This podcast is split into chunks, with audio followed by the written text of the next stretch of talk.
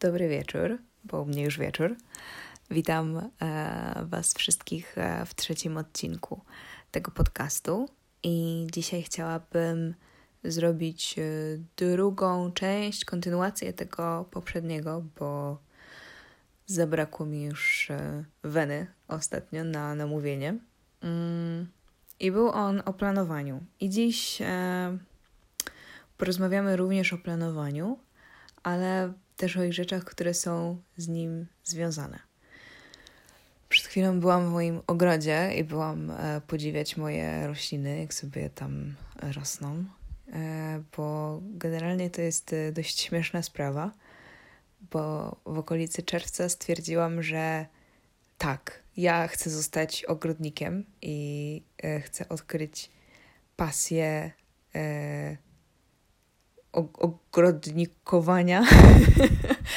E, I to jest generalnie już e, trochę późno na to, żeby robić takie rzeczy, e, bo z tego co mi wiadomo, to powinno robić się to w okolicy marca.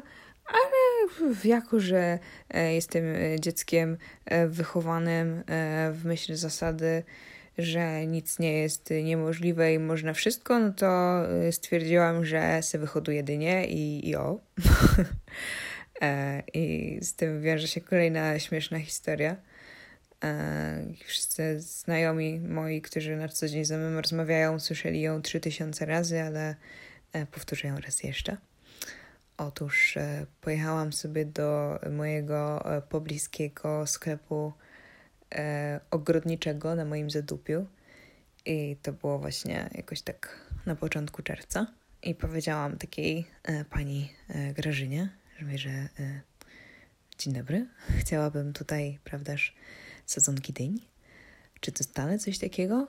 E, po czym ta e, pani zmierzyła mnie wzrokiem od góry do dołu i wybuchnęła śmiechem i spytała, że co, co to jest w ogóle za, za pomysł, że, że teraz y, o, tej, y, o tej porze, że co, co już w ogóle jest po ptokach i, i za późno.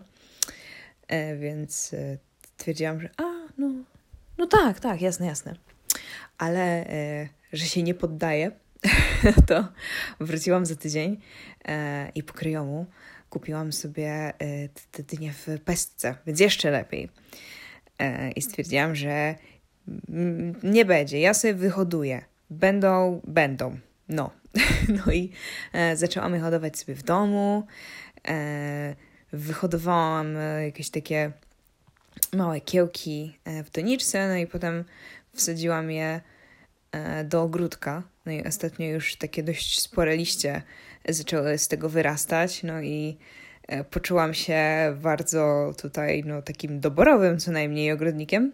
Po czym poszłam na spacer i zobaczyłam pole dyniowe, e, na którym obecnie to już właściwie są takie, no, no one już tam są, nie, nie że liście, tylko po prostu owoce, ale jakby ja jestem jeszcze dobrej myśli, bo tak sobie myślę, że klimat się zmienia, nie? Jest jakby e, mało zimy, późno, więc może, może jeszcze to będzie. Tym bardziej, że E, moje dnie są takie mm, for aesthetic purpose, a nie po to, żeby je jeść.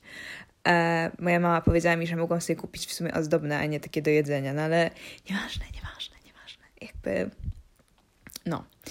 E, I kiedyś tam wspomniałam e, o tym mojemu terapeucie w sumie, że tak lubię sobie te, te, te roślinki tutaj i w ogóle. A on powiedział, no, bo może je pani kontrolować i że generalnie wychodzi na to, że wszystkie rośliniary to są po prostu maniaczki kontroli, bo masz sobie taką roślinkę i możesz jej generalnie wybierać, e, gdzie ona sobie będzie, e, kiedy ją podlewasz i decydować o, o jej losie. Trochę podobnie jest ze zwierzątkami, a nawet jak ostatnio się dowiedziałam, e, z fantazją o gwałcie, bo kiedy kobieta fantazjuje sobie o gwałcie, no to teoretycznie to jest tak, że ona jest tą ofiarą tego wszystkiego, tak? Więc można by powiedzieć, że się poddaje, że jest to fantazja o byciu dominowanym. A wcale nie, bo jak się okazuje, to jest to fantazja, w której to kobieta decyduje dokładnie, jak ten mężczyzna się zachowa, jak on będzie wyglądał, i jak wszystko będzie przebiegać. I w jaki sposób łączy się to wszystko z planowaniem. Otóż e, ostatnio e, coraz bardziej zgłębiam gdzieś tam tą stronę mojej osobowości i im głębiej w tym wszystkim grzebie, tym bardziej okazuje się, że jestem totalnym e, freakiem, jeśli chodzi o planowanie. I często używałam tego jako taką e, zabawną anegdotkę. Ale okazuje się, że jest to taka totalnie e, moja cecha, bo jakby ostatnio mój chłopak powiedział takie fajne zdanie, że ja muszę sobie o różnych rzeczach po prostu przez e, określony moment e, pomyśleć. Ja muszę mieć to zapisane, ja muszę sobie pomyśleć, w co się wtedy ubiorę, jak się zachowam, co powiem, i wtedy, jak ktoś coś powie, to, to ja powiem to e, i wyniknie z tego, z tego coś innego. Ja na przykład e, zawsze miałam się za taką dość spontaniczną osobę, ale właściwie im bardziej zgłębiam to wszystko, to okazuje się, że totalnie nie umiem być spontaniczna, bo jakby jeśli to nie zostało zaplanowane parę dni do przodu i nie miałam co najmniej 24-godzinnego wyprzedzenia, to ja czuję się e, niesamowicie e, pełna e, niepokoju. Ale to hmm, nie wiem, czy to jest takie typowo, typowo moje, czy wy na przykład też tak macie, ale powiedzmy, mój chłopak jest osobą, która mm, może dużo bardziej, że tak powiem, freestylować w życiu. I na przykład dzisiaj e, zakupiłam sobie kreację na imprezę, która wydarzy się za 20 dni. Pokazałam to mojemu chłopakowi. Patrz, patrz, to, to, to założę z tym i tak będzie. A on powiedział, no ja, no jeszcze nie wiem, co założę. No, Oczywiście, że nie wie, bo on się dowie w ten sam dzień, a właściwie to najprawdopodobniej y, wymyśli ją po drodze na tą, na tą imprezę. Uh, Okej, okay. Ale zerknijmy na moją listę rzeczy, o których faktycznie chciałam powiedzieć, bo to jest bardzo długi wstęp. Okej. Okay. Um, okay. Następnym tutaj punktem na mojej liście jest ewolucja, bycie innym człowiekiem i ciągle zmienna wartość. I może zacznę ją od takiego mojego ciekawego przemyślenia. Jako, że jestem facetką od angielskiego na co dzień, no to dużo czasu spędzam tłumacząc ludziom, dlaczego z pozoru bezsensowne rzeczy mają sens, albo próbuję im wmówić, że je mają. I bronię jakoś tak ostatkami sił różnych bezsensownych reguł. No i bardzo często e, ten, ten temat tego, czemu te pieniądze po angielsku są niepoliczalne, że przecież to jest to, totalnie, totalnie bez sensu. No przecież prosta sprawa, tak? Da się je bardzo łatwo, bardzo łatwo policzyć.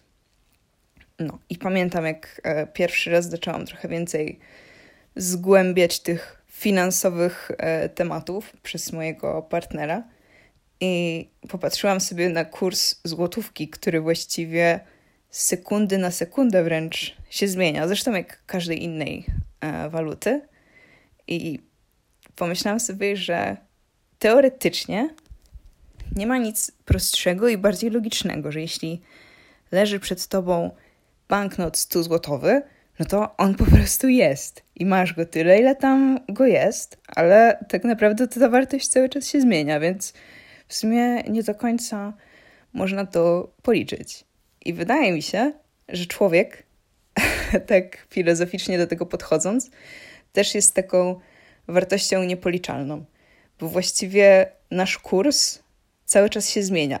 I nie mówię tutaj o, o, wartości, o tym, ile dana osoba jest, jest warta, bo to, to jest już w ogóle kosmos, to już w ogóle jest niemierzalne, ale to, kim jesteśmy, to potrafi się naprawdę z sekundy na sekundę zmieniać. I tak naprawdę mam wrażenie, że jest to totalnie nie do, nie do uchwycenia. A nawet jak już to uchwycimy, to w momencie, w którym wydaje nam się, że e, całego siebie mamy obeznanego i, i po prostu schwytanego i opisanego, to zaczynamy się już wtedy zmieniać. A właściwie często samo zdanie sobie z czegoś sprawy jest triggerem zmiany.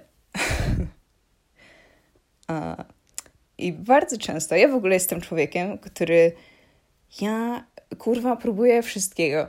Mam tak obszerne doświadczenia w moim życiu i próbowałam tak strasznie wielu różnych, e, różnych rzeczy e, i odnaleźć siebie e, w tak dużej ilości.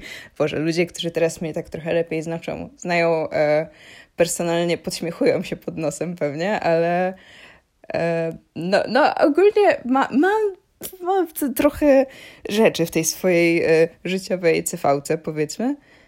E, I przez to, że często próbuję różnych rzeczy, no to siłą rzeczy często z nich też rezygnuję. I właściwie jest tak, że kiedy ktoś ze mną rozmawia, no to często jaram się i ekscytuję jakimś nowym hobby i kiedy rozmawia ze mną e, następnym razem, no to mówię, że a, no tak, to próbowałam, ale, ale w, sumie, w sumie to już nie. To już tego nie robię, bo już robię, nie wiem, coś innego albo wróciłam do, do innej rzeczy. Jakby mam ten taki mój core tych e, rzeczy, którymi się po prostu zajmuję ale czuję, że w jakiś sposób w naszym społeczeństwie piętnuje się ludzi za, za zmianę. Muszę się nawodnić.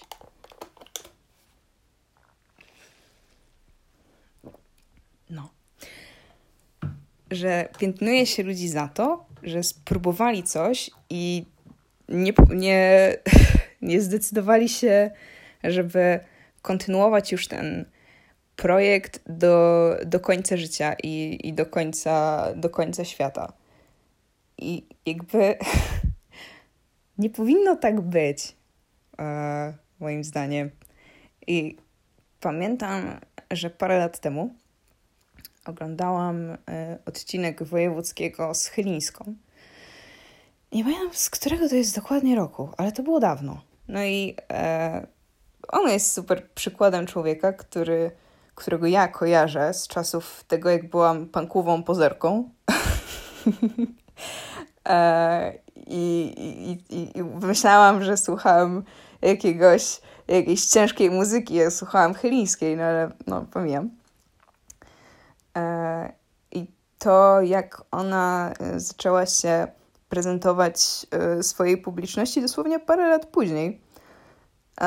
I w tym, w tym wywiadzie z, z wojewódzkim on spytał się jej, czy, czy uważa, że ma aż tak elastycznych fanów, że będą w stanie nadal ją kupić w tej, w tej nowej odsłonie. No i ona powiedziała wtedy coś bardzo fajnego. E, powiedziała, że artystom często nie daje się po prostu przestrzeni na, na zmianę i że oczekuje się, że nadal będą tymi samymi ludźmi, którymi byli, kiedy, nie wiem, mieli 17-18 lat. I wspomniała tutaj zespół, ale teraz nie chcę ściemniać i nie powiem, który. I mówiła o tym, że jest to według niej aż, aż nienaturalne, żeby ludzie, którzy mają tam, nie wiem, po 70 lat, dalej grali tą samą muzykę i zostali tak strasznie zaszufladkowani przez swoich fanów, że nie mają prawa się zmienić. I w ogóle traktujemy zmianę jako coś bardzo, często coś bardzo złego. Jest ona z jednej strony pożądana, ale jest też czymś, co wywołuje w ludziach lęk. Bo w momencie, w którym człowiek, którego ty masz tak obeznanego, zaczyna prezentować się jako coś totalnie, totalnie innego, zaczyna się zmieniać, to jest to, e, to wywołuje w nas niepokój.